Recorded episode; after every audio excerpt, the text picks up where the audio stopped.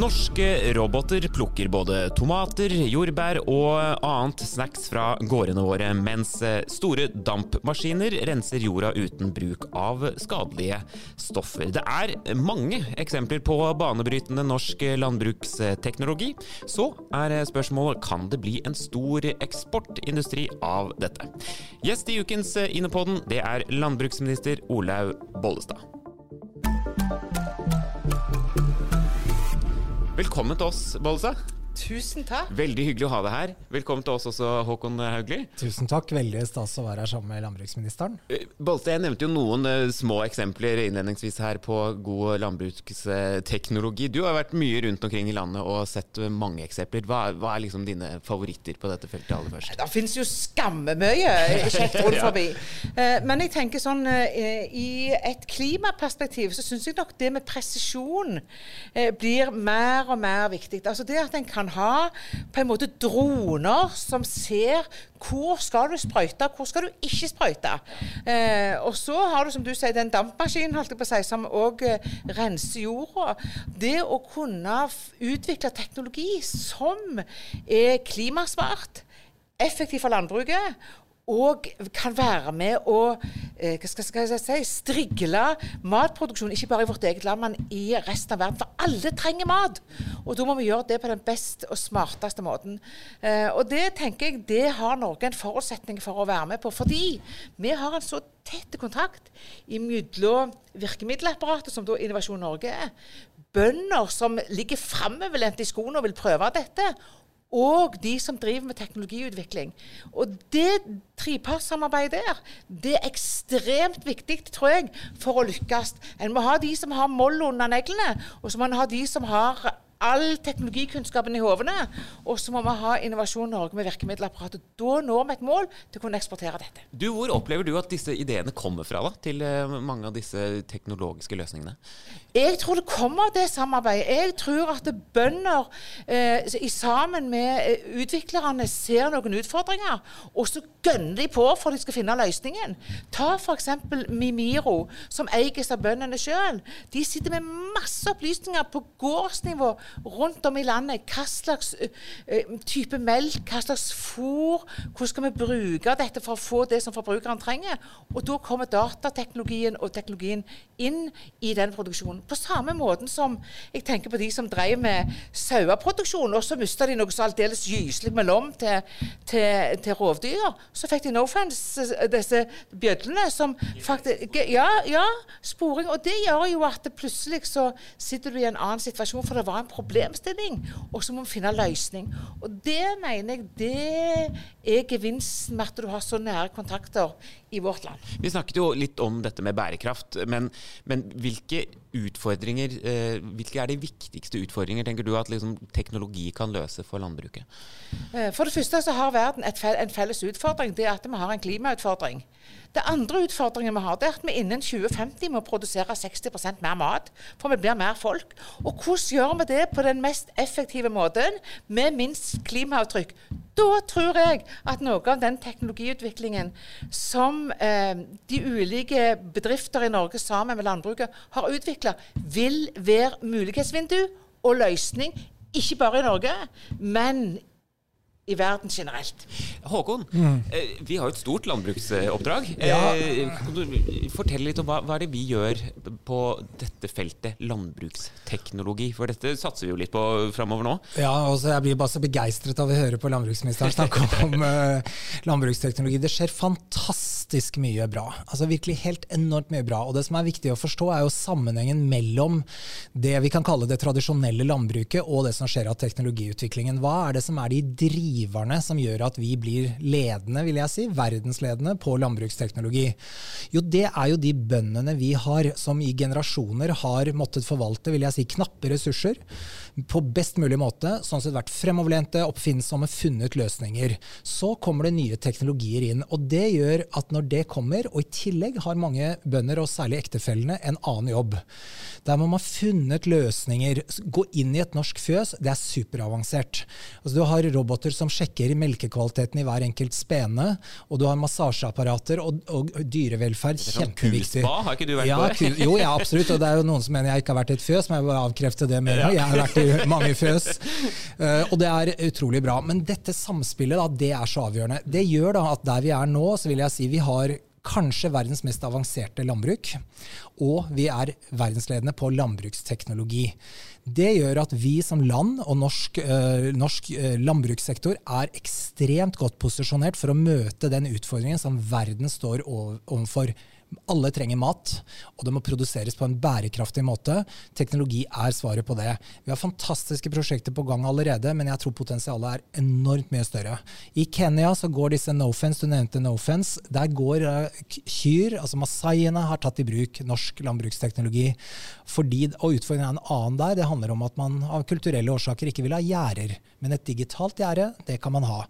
Så dette er bare noen, en håndfull eksempler. Eller Torvald, da, roboten Torvald som er utviklet i samspill mellom en MBU, altså gamle Landbrukshøgskolen, og noen gründere som er i stand til å plukke jordbær. Det er kjempeavansert teknologi som skal til for at ikke det jordbæret knuses når det plukkes av en robot.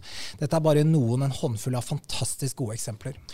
Bollestad, vi har jo snakket litt om at eh, teknologien fra Norge er nå over hele verden. Men hvor stort tenker du eksportpotensialet i dette er? Jeg tror det er kjempestort, fordi det er tillit ute i verden til det norske landbruket på, det, på, på gamlemåten, holdt jeg på å si. Vi bruker lite antibiotika, vi bruker veldig lite sprøy- sprøytemidler i forhold til resten av verden. Så verden opplever at eh, Norge formidler en trygghet når det gjelder landbruk. Og det tror jeg de opplever òg når en da kommer med landbruksteknologi. Fordi en ønsker å bevare noe av de grunnverdiene som ligger på bruk av sprøytemidler, bruk av antibiotika osv. Da blir de teknologiske eh, nyvinningene viktige for å redusere det òg ute i verden. Fordi det med å true vi har sett i pandemien og vår helse eh, på generelt grunnlag i verden. Og Derfor så har vi et stort potensial og et stort framoverlent fortrinn, fordi vi har en tillit på dette området. Og Derfor så tenker jeg at eh, sammen med det vi har gjort eh, på annen type teknologi, vi har gjort det innenfor oljevirksomhet, vi har gjort det innenfor eh, annen type teknologi som har vært viktige eh, innenfor skogbruket f.eks., som er viktige teknologi som viser at vi også har et klimaperspektiv og tar det ansvaret. Og så har vi en stor bistandstillit eh, ute i verden, fordi vi har tatt et stort internasjonalt ansvar på det. Og der tror jeg òg teknologien får et fortrinn, fordi vi har, eh, vi har et ansvar til å formidle den kunnskapen vi faktisk sitter med. Og det tror jeg gjør at vi har et fortrinn. Og så det tette samarbeidet som er imellom den som driver gården i Norge, som er med på en måte Det er mange Petter Smarte.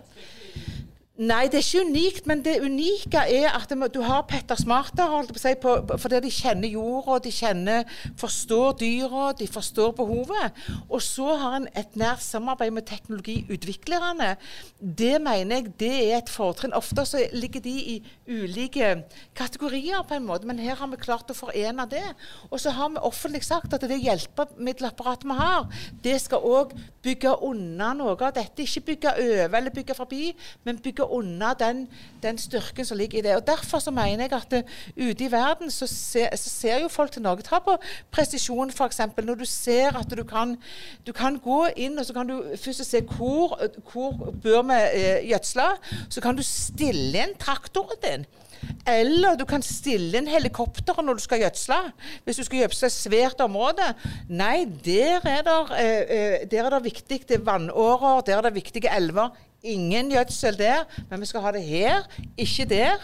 Altså Vi har så nære kartsystem, så nær teknologi og så fintuna apparatur som på en måte skal fordele den gjødselen, som gjør at vi faktisk vil få et, en klimaeffekt av dette. Og dette mener jeg dette trenger verden. Og så trenger vi litt mer òg. Vi trenger teknologiutvikling til å utvikle nye produkter. Hvis du går f.eks. til noen av næringene, så ser vi at vi kan, vi kan skifte ut mye av det fossile med trevirke. Eh, til å ha i kremene våre, til å ha i malingen våre. til å ha i, og dette er jo teknologi som norske utvinnere har gjort. Eh, Håkon, hvordan skal vi ta den ballen eh, videre? Vår rolle i virkemiddelapparatet, hva er den her? Eh, veldig mange fasetter av dem. Bare si Noe annet som er unikt med Norge aller først, det er jo at vi også har en stor eh, Altså vi er en havnasjon. Og det er veldig stort potensial for overføring av kompetanse fra det som er av biomasse og bruk av biomasse i havet og inn i landbruket. Dette er jo helt tilbake til liksom kystbønder som bruker tang og tare som gjødsel. Det er egentlig litt den samme tankegangen, da, men at dette er bioressurser som kan ses i sammenheng. Og der skiller vi oss faktisk også fra våre nordiske naboland, som også har en stor jo, skogbruks næring, men som mangler den havdimensjonen da, som vi har. Så hvordan skal vi ta det videre? For det første så tenker jeg vi, Vårt landbruksoppdrag består i å sikre investeringer og risikoavlastning til bønder som gjør investeringer. Det er viktig. Dette krever investeringer. De, den uh, dampmaskinen som skal, uh, skal, bidra, den koster penger å realisere. Nytt fjøs koster penger osv. Det er en kjerne i det vi gjør. I tillegg så uh, finansierer vi utviklingsprosjekter av ulik sort. Alt fra type inn på tunet kommune, som er et besøksprogram, til tilleggsnæringer. Det kan være servering, det kan være å bringe mat hjem. Det har vi sett veldig mye av for øvrig i pandemien. Det er jo egentlig et tema i seg selv, nye distribusjonsmodeller. Men også innovative prosjekter av type lage noe helt nytt. Og det trenger vi. Det kommer stadig vekk nye løsninger, ofte drevet frem av et problem. Altså Når ulven tar sauen, så blir bonden innovativ. Hvordan kan jeg finne en løsning som gjør at jeg kan beskytte sauene mine mot ulv?